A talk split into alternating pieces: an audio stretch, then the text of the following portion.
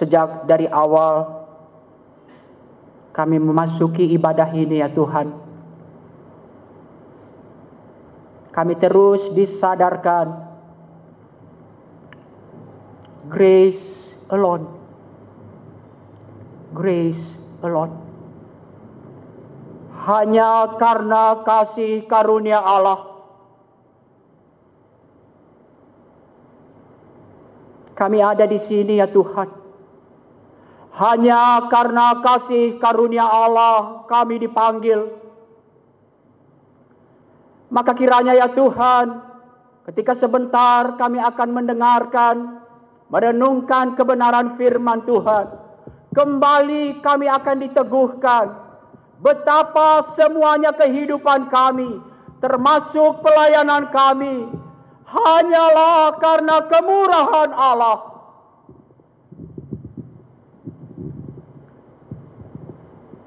Maka kami ya Tuhan yang mau memulai satu perjalanan retret koordinator ini ya Tuhan.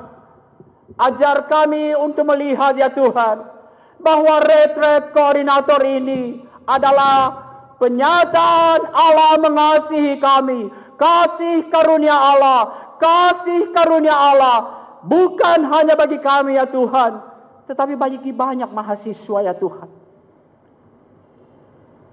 Kiranya Tuhan memimpin pemberitaan firman Tuhan. Hambamu yang tidak layak, hambamu yang hina. Kiranya Tuhan pimpin dengan hikmah yang dari sorgawi. Dan kami semua yang mendengarkannya Tuhan. Kiranya Tuhan tolong. Terima kasih ya Tuhan. Di dalam nama Yesus. Kami berdoa, kami mengucap syukur. Dan siap mendengarkan firman-Mu. Amin. Selamat siang teman-teman semua. Oke. Teman-teman, tema kita hari ini mengawali dari uh, retret koordinator kita yang akan kita ini pada dua minggu ke depan adalah identitas sang pemimpin. Kita akan melihat awal perjalanan dari Rasul Petrus yang dulu disebut Simon. Nah, teman-teman melihat perjalanan kehidupan Simon yang kemudian disebut Petrus seperti melihat diri sendiri. Kalau sepun saya nggak mau mengatakan, tadi awalnya saya mau mengatakan kita banget, tapi mungkin teman-teman merasa enggak, maka saya banget. Seperti melihat diri sendiri, Bagaimana seorang yang rapuh tetapi ditransformasi oleh Tuhan. Saya sangat benar-benar bergairah excited memulai perjalanan RK ini. Dan saya ingin membagikannya buat teman-teman. Supaya teman-teman pun memperjuangkan ikut RK ini. Bersyukur untuk kesempatan RK ini. Dan masih belum ada sebagian kita yang belum hadir. Teman-teman kalau punya kontaknya, yakinkan mereka bahwa kita sedang memulai suatu perjalanan yang penuh gairah bersama Tuhan. Mari kita baca Lukas 5 ayat 1 sampai 11. Saya akan bacakan buat kita semua.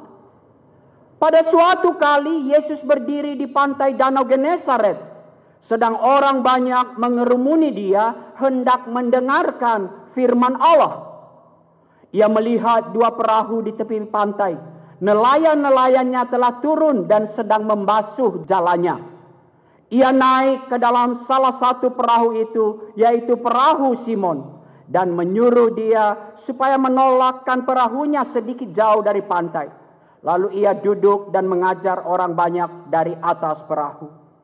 Setelah selesai berbicara, ia berkata kepada Simon, "Bertolaklah ke tempat yang dalam dan tebarkanlah jalamu untuk menangkap ikan."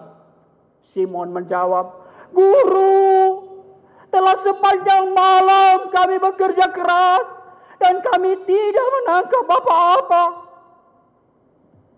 Tetapi karena engkau yang menyuruhnya, aku akan menebarkan jala juga." Dan setelah mereka melakukannya, mereka menangkap sejumlah besar ikan sehingga jalan mereka mulai koyak.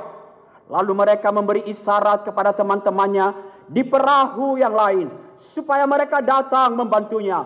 Dan mereka itu datang, lalu mereka bersama-sama mengisi kedua perahu itu dengan ikan hingga hampir tenggelam. Ketika Simon Petrus melihat hal itu, ia pun tersungkur di depan Yesus dan berkata, Tuhan, pergilah daripadaku karena aku ini seorang berdosa. Sebab ia dan semua orang yang bersama-sama dengan dia takjub oleh karena banyaknya ikan yang mereka tangkap. Demikian juga Yakobus dan Yohanes anak-anak Zebedeus yang menjadi teman Simon. Kata Yesus kepada Simon, "Jangan takut. Mulai dari sekarang engkau akan menjala manusia. Dan sesudah mereka menghela perahu-perahunya ke darat, mereka pun meninggalkan segala sesuatu lalu mengikut Yesus. Nah, teman-teman, bagian yang kita baca tadi tampaknya bukanlah pertemuan pertama Simon dengan Yesus. Dari mana kita tahu? Kalau kita lihat di Lukas sebelumnya, itulah sebabnya juga di ayat 5 Simon memanggil Yesus dengan guru. Berarti Yesus sudah sangat terkenal pada waktu itu. Lukas 4 ayat 14 dan tersiarlah kabar tentang dia di seluruh daerah itu. Ayat 37 dan tersebarlah berita tentang dia ke mana-mana di daerah itu setelah Yesus mengusir orang yang kerasukan setan, mengusir setan. Bahkan pasal 4 ayat 38 sampai 41 Yesus menyembuhkan, Yesus sudah mengadakan mukjizat. Ia menyembuhkan ibu mertua Simon Petrus.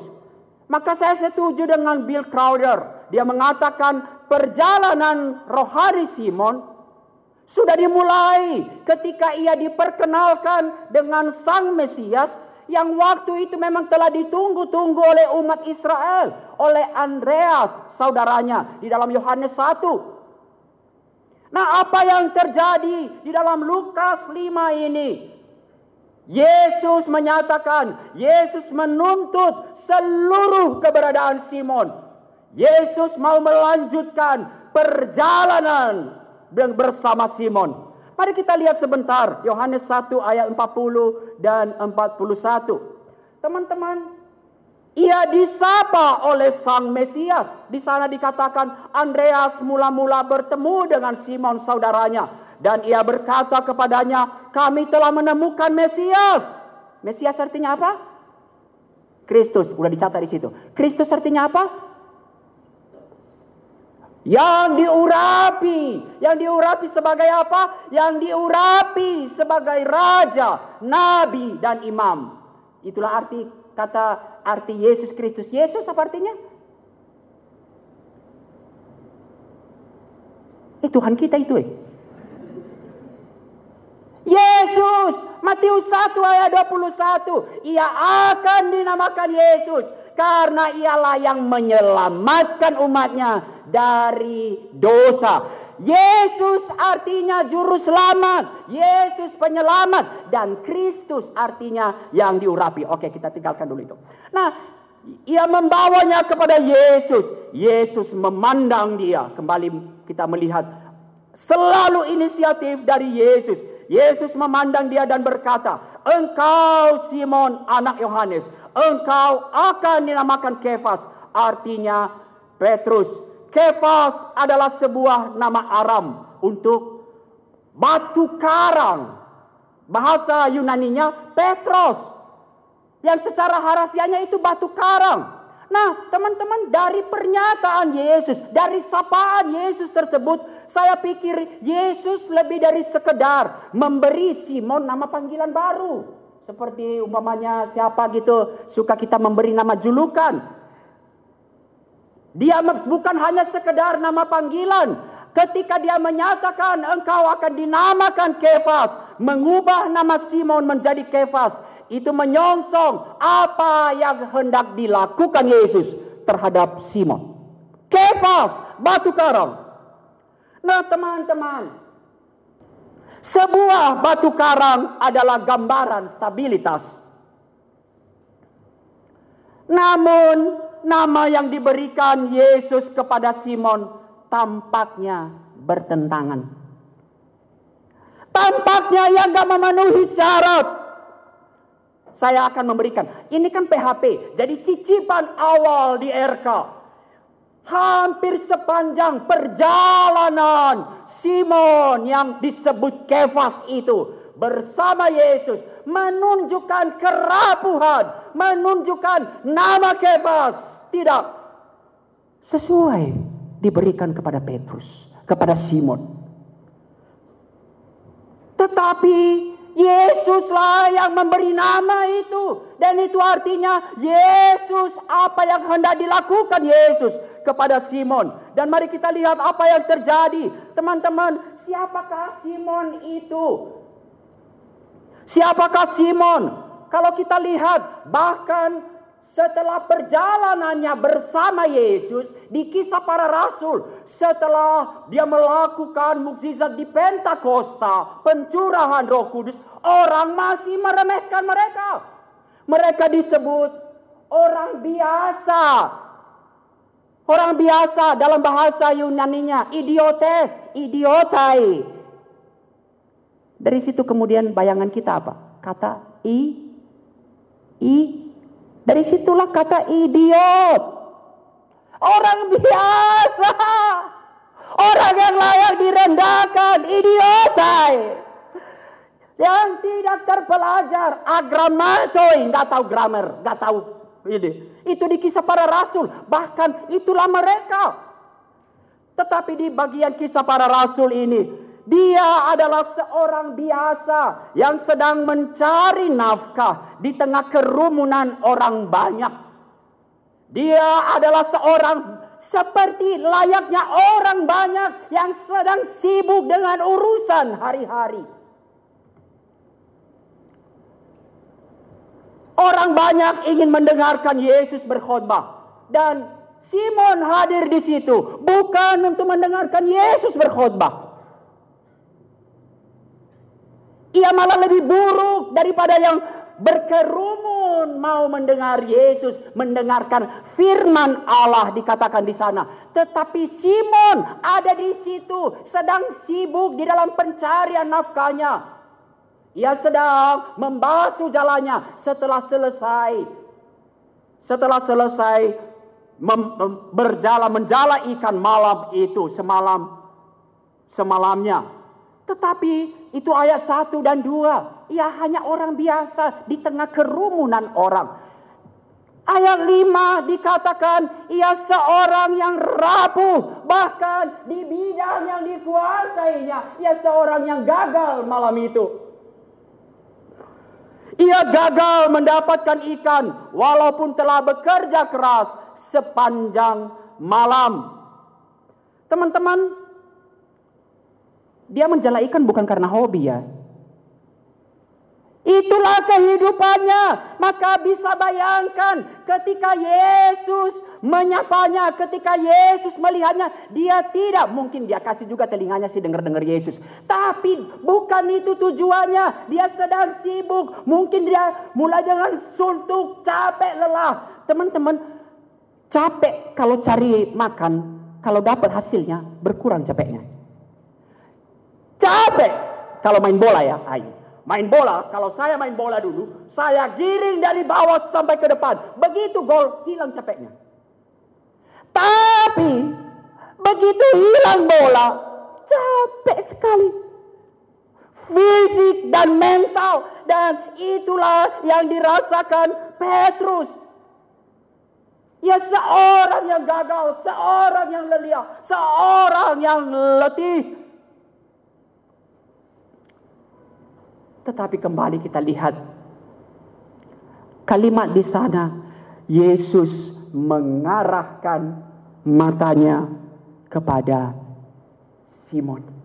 Ia melihat dua perahu di tepi pantai. Saya nggak tahu ada banyak perahu di situ. Tapi ia melihat perahu di tepi pantai. Ia dua perahu. Ia naik ke dalam salah satu perahu itu. Yaitu perahu Simon. Yesus secara khusus menyangarahkan pandangannya kepada Simon. Melihat Simon di dalam seluruh keberadaannya. Perjumpaan itu adalah inisiatif dari Yesus. Teman-teman, perjumpaan selalu dimulai dengan kasih karunia Allah. Simon, orang yang layak direndahkan, orang yang tidak menjadi pusat perhatian pada waktu itu, orang yang sedang lelah, orang yang sedang gagal, kelelahan mental dan fisik. Tetapi di sanalah Yesus mengarahkan pandangannya. Dan Itulah kasih karunia. Saya mau memulai dari situ. Teman-teman, saya melenceng sedikit dan itulah pola yang terus-menerus dilakukan Yesus. Hari ini saya saya sibuk dengan pengutusan regenerasi di mana-mana. Nah, teman-teman, saya lihat siapa yang kita layani. Yesus selalu melakukan, melayani apa yang tidak mungkin pada zaman itu. Apa yang impossible pada waktu itu. Membalikan semua itu. Teman-teman kita ingat perempuan Samaria. Saya sering mengatakan triple masalah dia. Satu, orang Yahudi nggak mau melewati tanah Samaria. Tapi Yesus mengarahkan ke sana. Kedua, orang laki-laki Yahudi tidak boleh bercakap-cakap dengan perempuan asing. Tapi Yesus melakukannya. Ketiga, bahkan perempuan Samaria adalah di tempatnya sendiri. Ia terasing. Kenapa? Ia datang mengambil air pada waktu orang gak lazim mengambil air karena ia memang orang yang tersisih melihat siapa Simon. Mungkin saya mau mengambil refleksi-refleksi sedikit sejak dari awal. Menjadi refleksi bagi kita. Kepada siapa kita diutus. Kemarin saya ke UKI, hadirkah kita di pojok-pojok yang gak ada harapan orang menjadi anak PM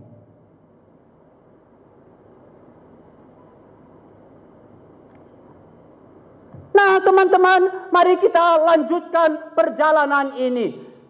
Tetapi kepada Simon yang tidak masuk akal itu, kepada Simon yang sedang lelah itu, Yesus di sini luar biasanya. Yesus sekali lagi mengajak Petrus untuk mengambil resiko di tempat di mana ia gagal. Wah. Malam itu ia gagal. Dan Yesus mengajak sekarang ke sana. Ia berjumpa ketika perjumpaan dengan jati diri Yesus dimulai dengan permintaan yang tidak masuk akal. Teman-teman, permintaan yang tidak masuk akal, maka wajar sebenarnya. Kenapa awalnya kalau kita lihat di ayat 4 itu Simon seperti menunjukkan keengganan.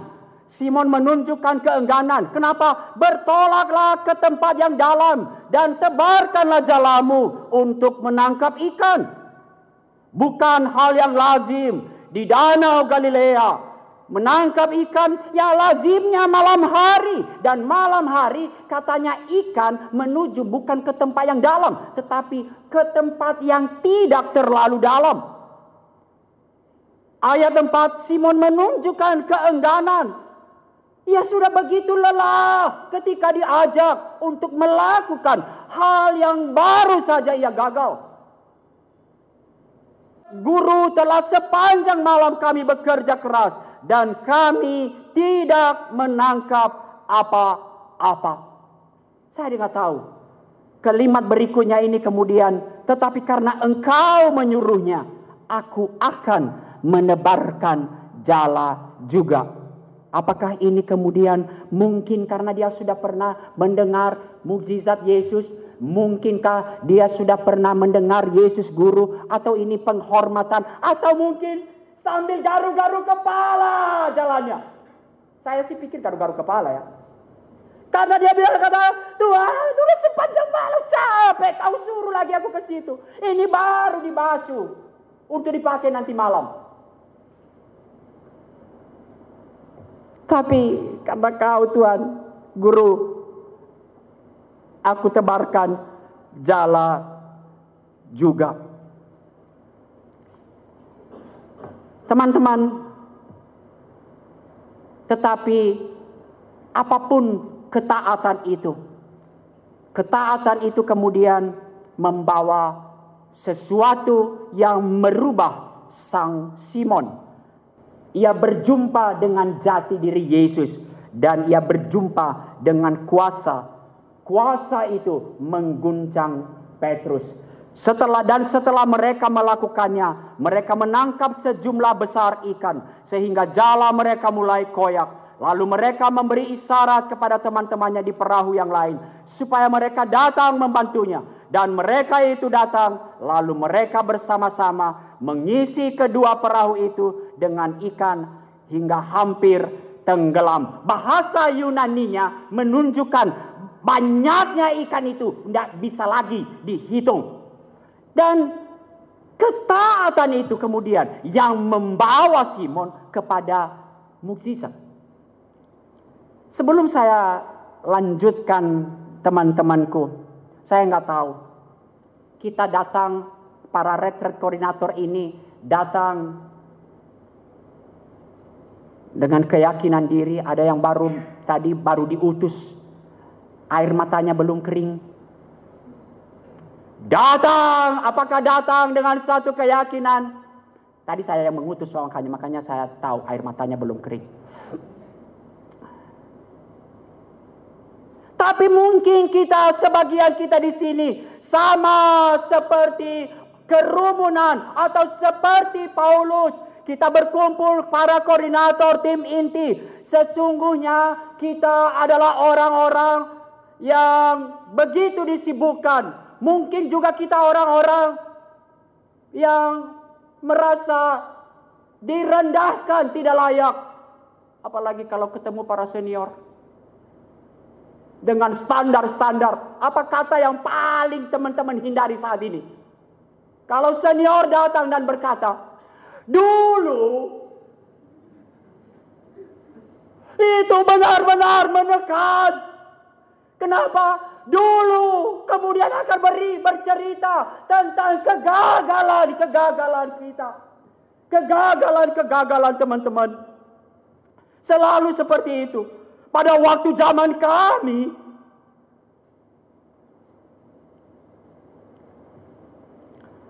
atau Mungkin teman-teman, kita datang di sini di dalam kecapean. Tadi adekku dia mengatakan, capek, kesulitan, tidak tahu apa yang harus kita lakukan. Udah dilakukan, tapi nggak bisa. Makin kita lakukan, makin lari orang dari persekutuan.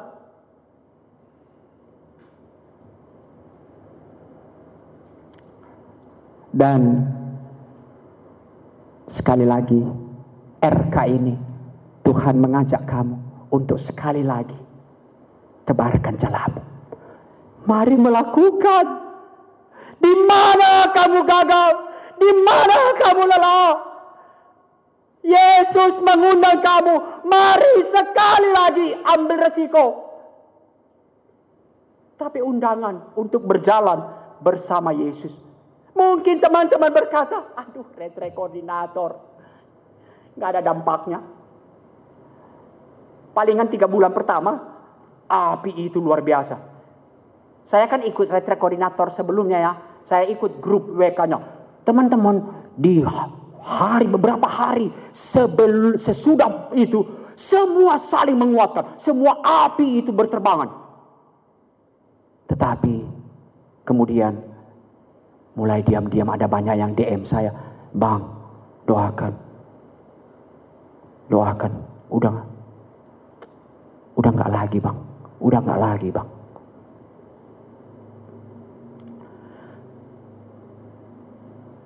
Tetapi mari kita lihat kemudian ketika kita mau belajar untuk taat apa pun ketaatan kita di sini kembali kasih karunia itu. Grace alone justru bahkan di balik ketidaksempurnaan ketaatan kita di balik ketidaksempurnaan kecacatan ketaatan kita Tuhan mau bekerja Tapi sekarang saya mau masuk teman-teman. Sebelum saya mau langsung kemudian uh, eh, saya sedikit robah uh, uh, ini alur saya. Kemudian masuklah setelah melihat itu, setelah mereka melihat seperti itu, sangat takjub mereka. Kira-kira kalau takjub, begitu banyak ikan, apa yang terjadi? Kalau kita lanjutkan pembacaan ini, cerita ini, kisah ini, kita bertanya-tanya nanti apa kaitannya menangkap ikan sekalipun ikannya besar banyak sekali dengan dosa. Pengakuan dosa dari Simon Petrus. Apa artinya ini teman-teman? Kepada siapakah Orang pada waktu itu menyatakan, mengakui keberdosaan. Mari kita lanjutkan. Ketaatan itu membawa Simon kepada muzizat. Muzizat itu memang menolong Simon untuk menyadari bahwa Yesus bukan sekedar guru. Yesus lebih daripada guru. Tetapi dari sapaannya kemudian kita melihat. Dan dari seperti yang saya katakan. Baga apa hubungannya? Seharusnya ketika melihat kekaguman itu. Oke okay, sekarang Petrus menyadari kelemahannya. Dia mungkin tersungkur. Lalu apa yang dikatakannya? Betul. Tadi saya pikir engkau anak tukang kayu. Mana ngerti.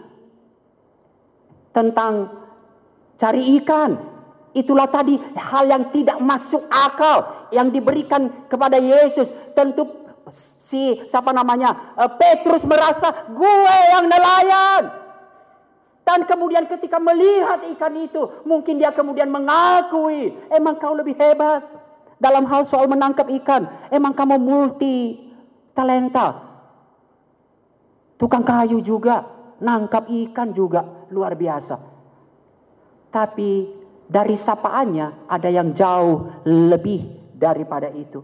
Ketaatan itu kemudian membawa Simon kepada mukjizat.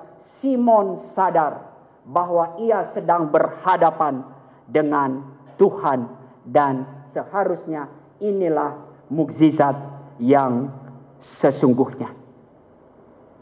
Teman-teman, Petrus takjub karena apa yang telah terjadi berada di luar jangkauan akal bayangan atau penjelasan manusia. Hanya Tuhan yang sanggup melakukannya. Tetapi pertanyaannya, bukankah Simon pernah sebelumnya melihat mukjizat Yesus? Kenapa pada kesempatan itu dia baru kemudian menyatakan penyingkapan bahwa Yesus lebih daripada seorang guru. Dia adalah Tuhan. Bukankah Simon sudah pernah melihat mukjizat ketika menyembuhkan mertuanya? Yesus mengusir setan di Kapernaum. Mungkin dia sangat-sangat terkesan apa yang dilakukan Yesus. Itulah tadi kita sebut mengapa dia menyebut Yesus sebagai guru.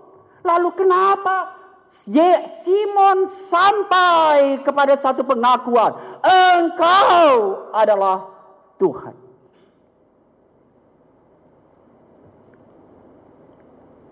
Saya mau masuk kemudian. Seorang agak susah saya nyebut namanya. Jadi kalian baca aja lah. Ini namanya English, ah, itulah. Oh, itu namanya ya, saya habisin dulu nih satu dulu. Dia mengatakan teman-teman,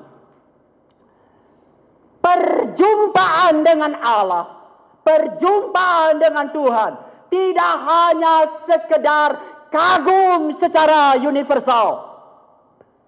Perjumpaan dengan Allah tidak hanya kemudian mengakui Allah Maha Kuasa. Tetapi perjumpaan dengan Allah haruslah menyentuh hati. Haruslah menyentuh hati secara personal. Dia mengatakan ketika oh, Yesus menyembuhkan seorang yang sakit ibu mertuanya bagi Simon, untuk seorang yang sehat, sakit adalah sesuatu yang tidak impersonal, nggak ada hubungannya dengan saya.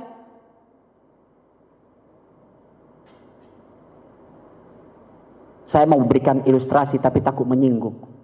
Walaupun kita kemarin teman-temannya prihatin bagi teman yang banjir.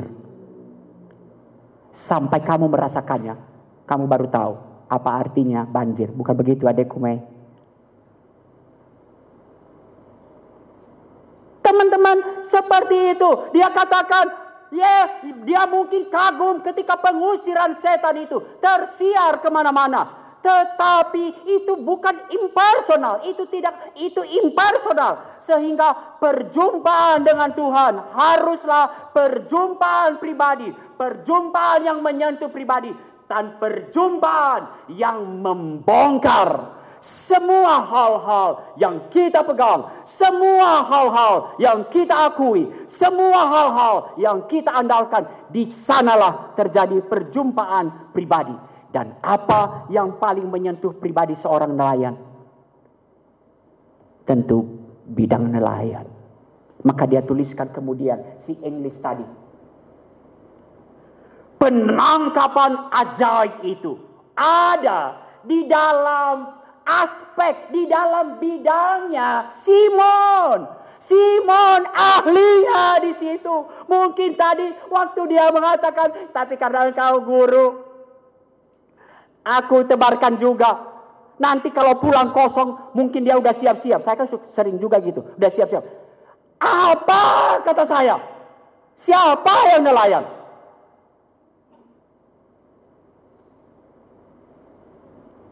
Tetapi lihat, membongkar apa yang menurut Simon ke, apa nih kekuatannya dan dikatakan di sana itulah yang kemudian secara natural di dalam aspek di dalam aspek kehidupannya itu sesuatu yang tidak mungkin.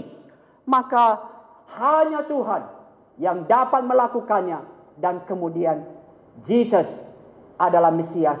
Dia pasti adalah Allah. Teman-teman, Yesus mengungkapkan, menyingkapkan dirinya sebagai pribadi yang paling berkuasa di dalam bidang yang paling dikenal dan dikuasai Simon. Apa bidang yang paling kita kuasai? Seringkali kita pikir aku pegang ini. Di PMK,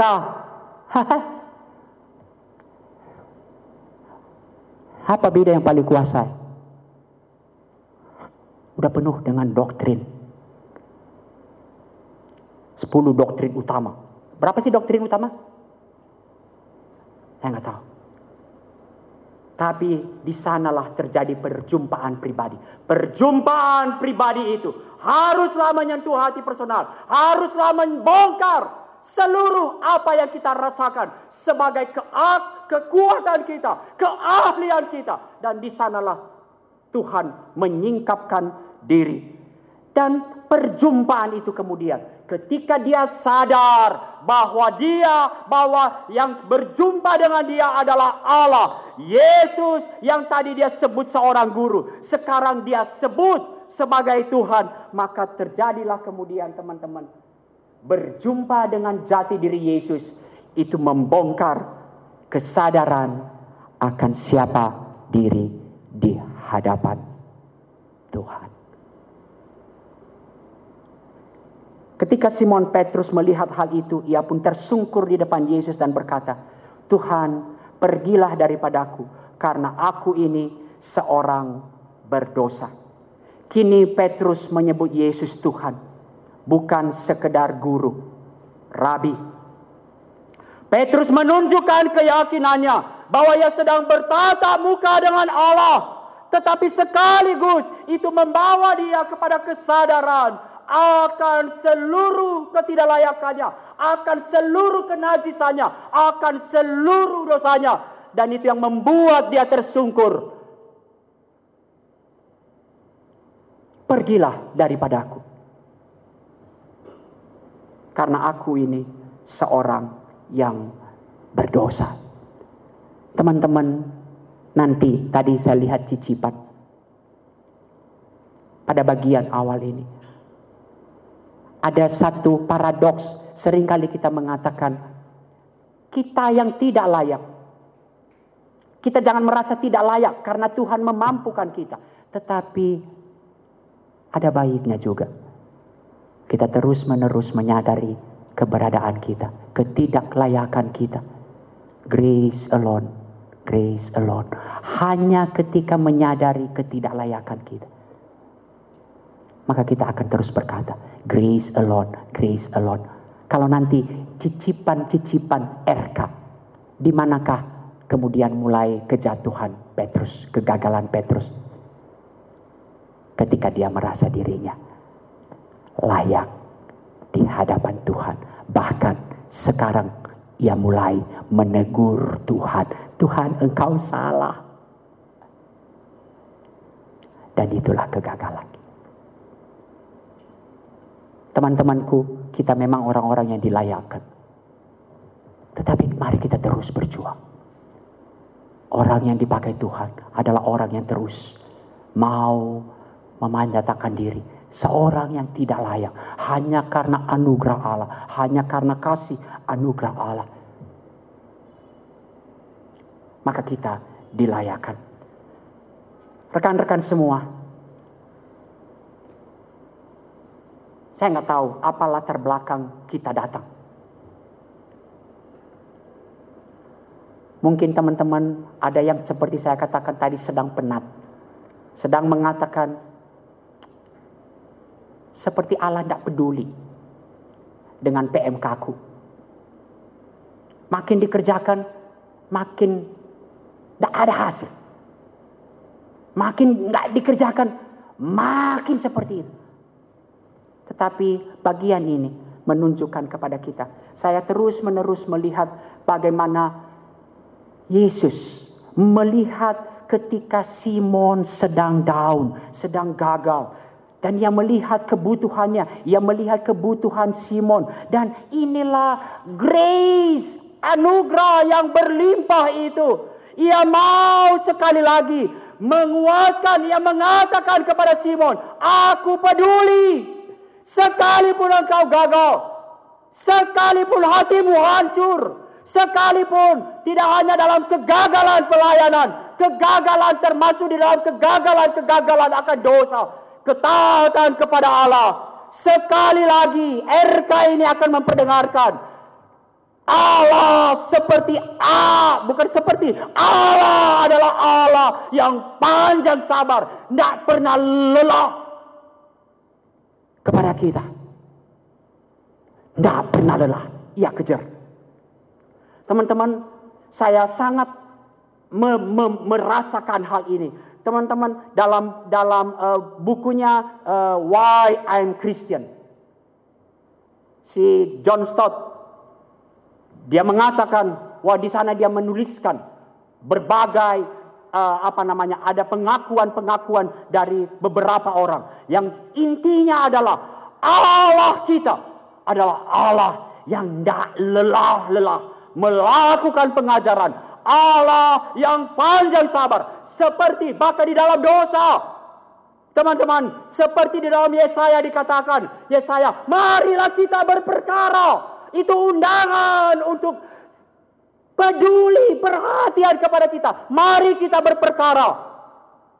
Walaupun dosamu merah seperti kermizi, akan putih seperti salju. Nanti kita akan lihat cerita perjalanan RK adalah cerita Allah yang tidak terus, tidak lelah-lelahnya, terus melakukan pengejaran kepada kita. Allah yang tidak lelah-lelahnya terus mentransformasi kita. Di dalam buku itu dikatakan yang namanya Francis Thompson, agak kurang ajar sih kalimatnya. Dia menyebut anjing pemburu. Itu, Yesus itu seperti anjing pemburu dari sorga. Yang tidak pernah membiarkan saya. Dia kejar, dia kejar. Untuk terus dibentuknya Si Moffat Gautre dia mengatakan, sebuah pengejaran sabar namun bertujuan, penuh kasih namun memaksa. Kalau C.S. Lewis agak indah. Allah, Yesus adalah pemain catur ilahi yang secara bertahap memanuver dirinya ke dalam posisi yang sulit untuk siap dihadapi. Dan Rasul Paulus berkata, aku telah ditangkap oleh Kristus. Yesus. Mari kita lanjutkan teman-teman.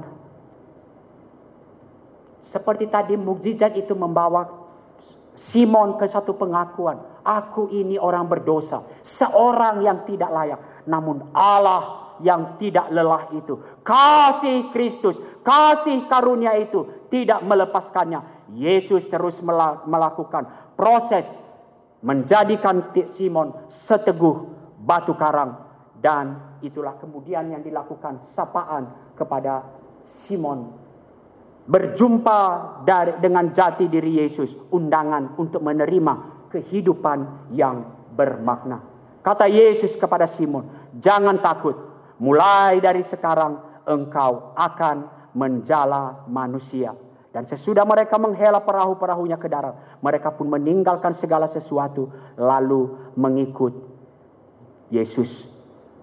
Yesus mengundang Simon ke dalam perjalanan bersama yang akan mentransformasi total kehidupannya. Ya berjumpa dengan Yesus, sapaan ini, undangan ini. Yesus berikan, jangan takut. Itu adalah panggilan untuk percaya sepenuhnya kepada Kristus. Panggilan untuk percaya sepenuhnya kepada Kristus yang telah menunjukkan siapa pribadi itu di hadapan Simon. Dan kemudian mulai dari sekarang engkau akan menjala manusia. Panggilan untuk misi yang belum selesai.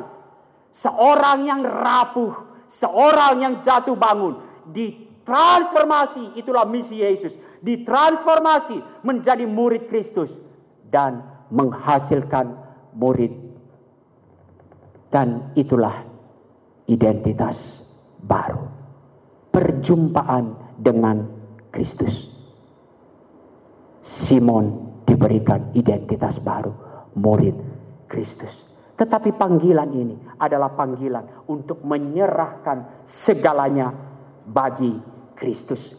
Di sini kita memahami kemudian apa arti menjadi murid Kristus. Menjadi murid Kristus. Gak ada yang ditahan.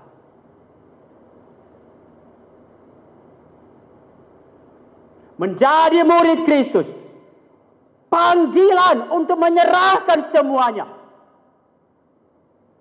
Mulai dari sekarang engkau akan menjala manusia. Suatu pembalikan dari seorang penjala ikan menjadi penjala manusia. Itu artinya panggilan untuk total bertransformasi. Panggilan untuk menyerahkan segalanya bagi Kristus.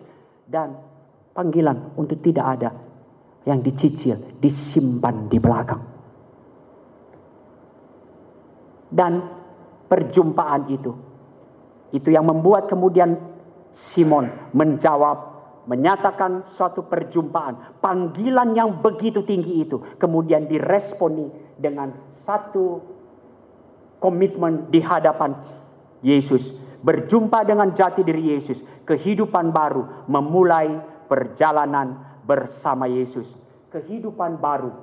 Mereka meninggalkan segala sesuatu, lalu mengikut Yesus. Teman-teman, Saya tidak tahu. Ada mungkin banyak orang mengatakan ini diartikan secara harfiah. Meninggalkan sesuatu.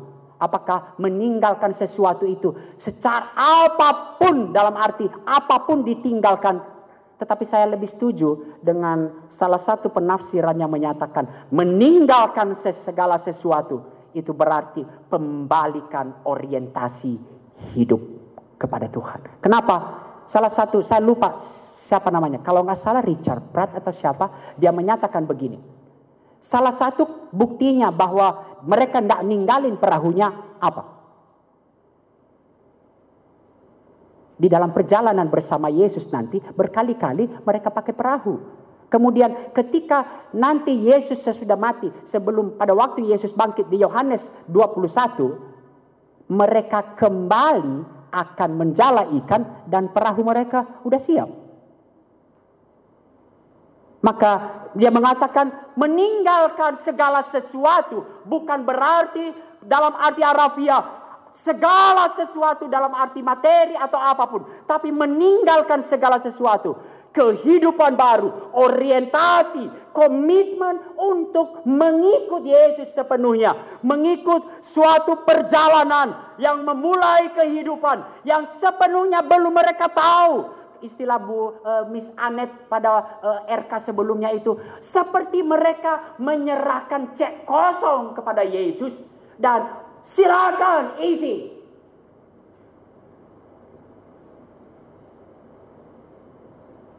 Pengalaman, perjalanan, mungkin perjalanan bersama badai di antara harapan, di antara penolakan, di antara kegagalan, Teman-teman, nanti kita lihat apakah kemudian komitmen ini, membaca komitmen ini mungkin kita sering kali merasa bahwa wow, luar biasa Simon.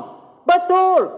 Perjumpaan dengan pribadi dengan Allah itu menunjukkan bahwa Simon mengalami suatu kehidupan baru, pembalikan kehidupan lama ditinggalkan menuju ke kehidupan baru. Tetapi Apakah sempurna? Simon. Tiga tahun perjalanan bersama Yesus. Tetaplah Simon yang rapuh. Simon tetaplah Simon yang rapuh. Teman-teman kita lihat nanti dan ini hanya cicipan di, di berikutnya. Perjalanan Yesus bersama Petrus kemudian yang melihat dan mengikuti Yesus. Penyerahan total. Aku mau ikut Yesus meninggalkan sesuatu. Ia berjalan dengan iman. Tetapi sering kali imannya teralihkan. Teman-teman nanti dia katakan. Dia baru saja melakukan perjalanan seorang tetapi Yesus menunjukkan perjalanan seorang yang rapuh itu. Yesus tetap menunjukkan seberapa pun rapuh, seberapa pun engkau gagal. Tujuan rencana Allah bagi dia untuk menjadikan dia kefas akan terus Allah kerjakan. Menjadikan dia kefas untuk memakai dia di dalam seluruh kehidupannya. Terus, terus Yesus kerjakan di dalam kehidupannya. Di tengah kekuatan iman, tetapi di tengah sering kali dialihkan. Dan itulah perjalanan seorang Simon. Kenapa tadi saya katakan kita banget.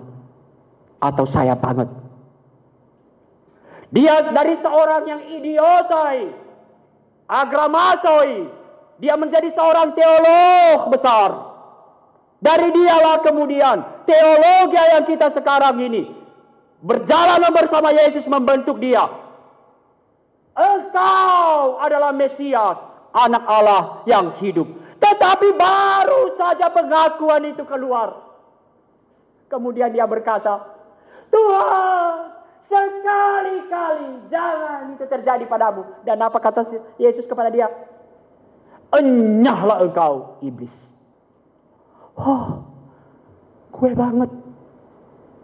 Kita banget. Tetapi perjalanan kita akan lihat di RK nanti. Kita katakan tadi, ia, ia melakukan perjalanan penuh komitmen. Meninggalkan segala sesuatu untuk mengikut Yesus. Tetapi ketika Yesus memberitakan penderitaannya, apa yang dikatakan oleh Petrus? Tuhan, kami sudah meninggalkan segala sesuatu untuk mengikut Engkau. Lalu apa yang kami dapat? Kematian. Wow. Itulah Simon. Simon yang begitu mempunyai keteguhan iman bahwa segala sesuatu tidak perlu ada. Yang penting Yesus cukup. Tetapi dia sering kali teralihkan. Itulah perjalanan Simon. Yesus, tetapi Yesus tidak pernah lelah untuk mentransformasi dia. Yesus memberi kesempatan. Yesus menegur, bahkan menghardik dia. Yesus mengulurkan tangan. Sampai kapan? Nanti teman-teman, unik ini Simon. Dan mungkin ini adalah bagian. Mungkin uniknya nggak kita dapat. Tapi ini kita banget. Baru aja dia dipulihkan. Apakah engkau mengasihi aku Simon? Aku mengasihi engkau tahu ya Tuhan. Aku mengasihi engkau dengan segenap hatiku. Lebih daripada semua ini. Lalu kemudian lewat Yohanes. Kalau dia Tuhan, kepo dia. Tuhan ngomong,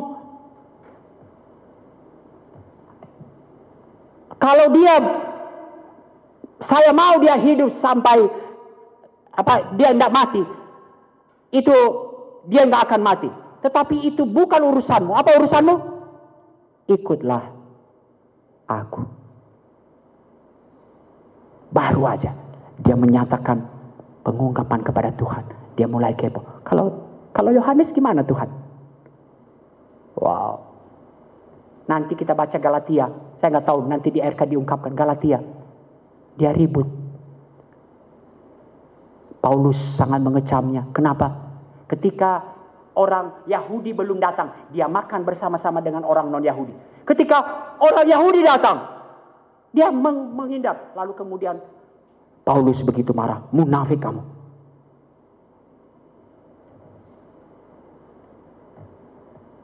Tetapi itulah perjalanannya.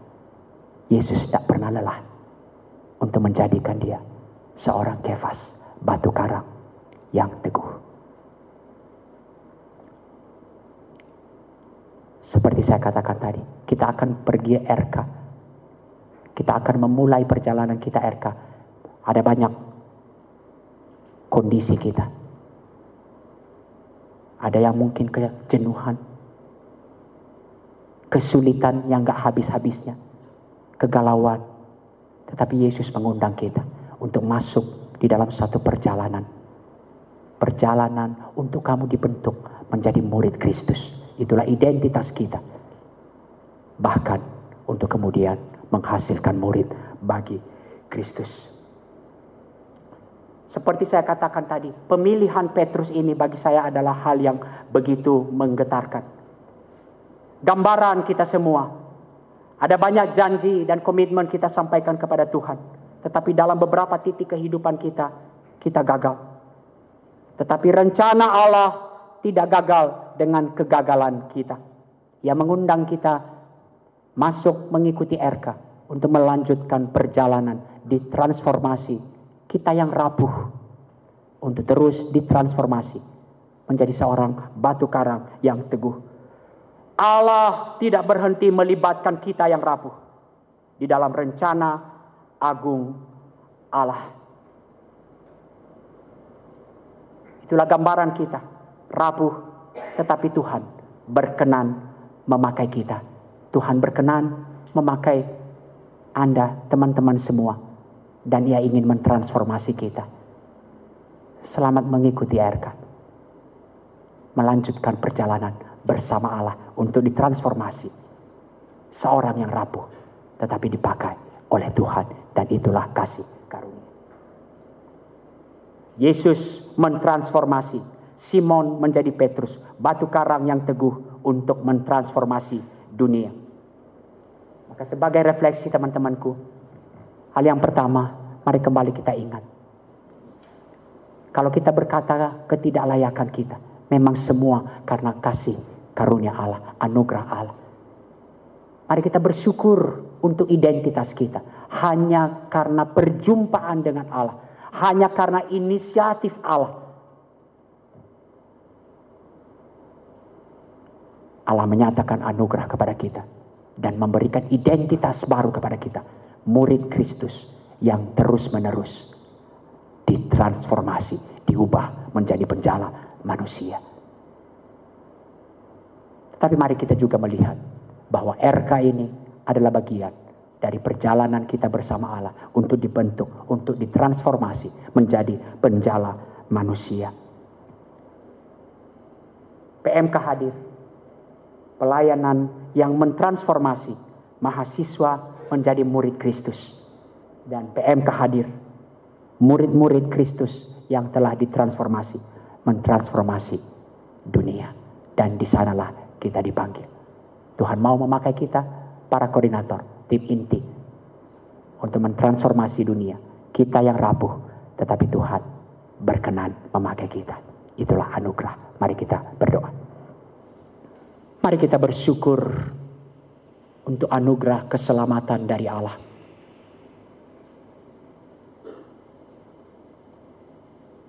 Seringkali anugerah keselamatan dari Allah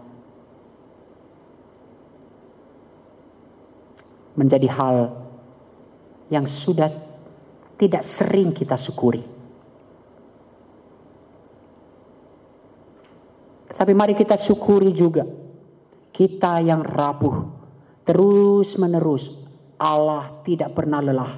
Yesus tidak pernah lelah untuk mentransformasi kita. Dan mari kita juga berdoa Kiranya kita memulai perjalanan di RK ini. Sebagai cara Allah menyatakan kasih karunia kepada kita. Kita yang rapuh akan dikuatkan dan dipakai oleh Tuhan. Kami bersyukur ya Allah untuk segala kemurahan dan kasih karunia Allah di dalam seluruh kehidupan kami. Allah peduli, Allah mengerti kebutuhan kami. Allah tahu keberadaan kami saat ini.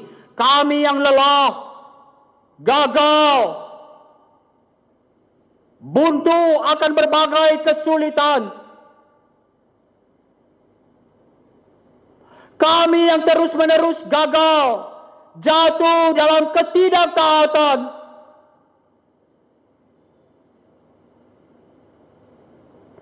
Tapi kami bersyukur kami mempunyai Allah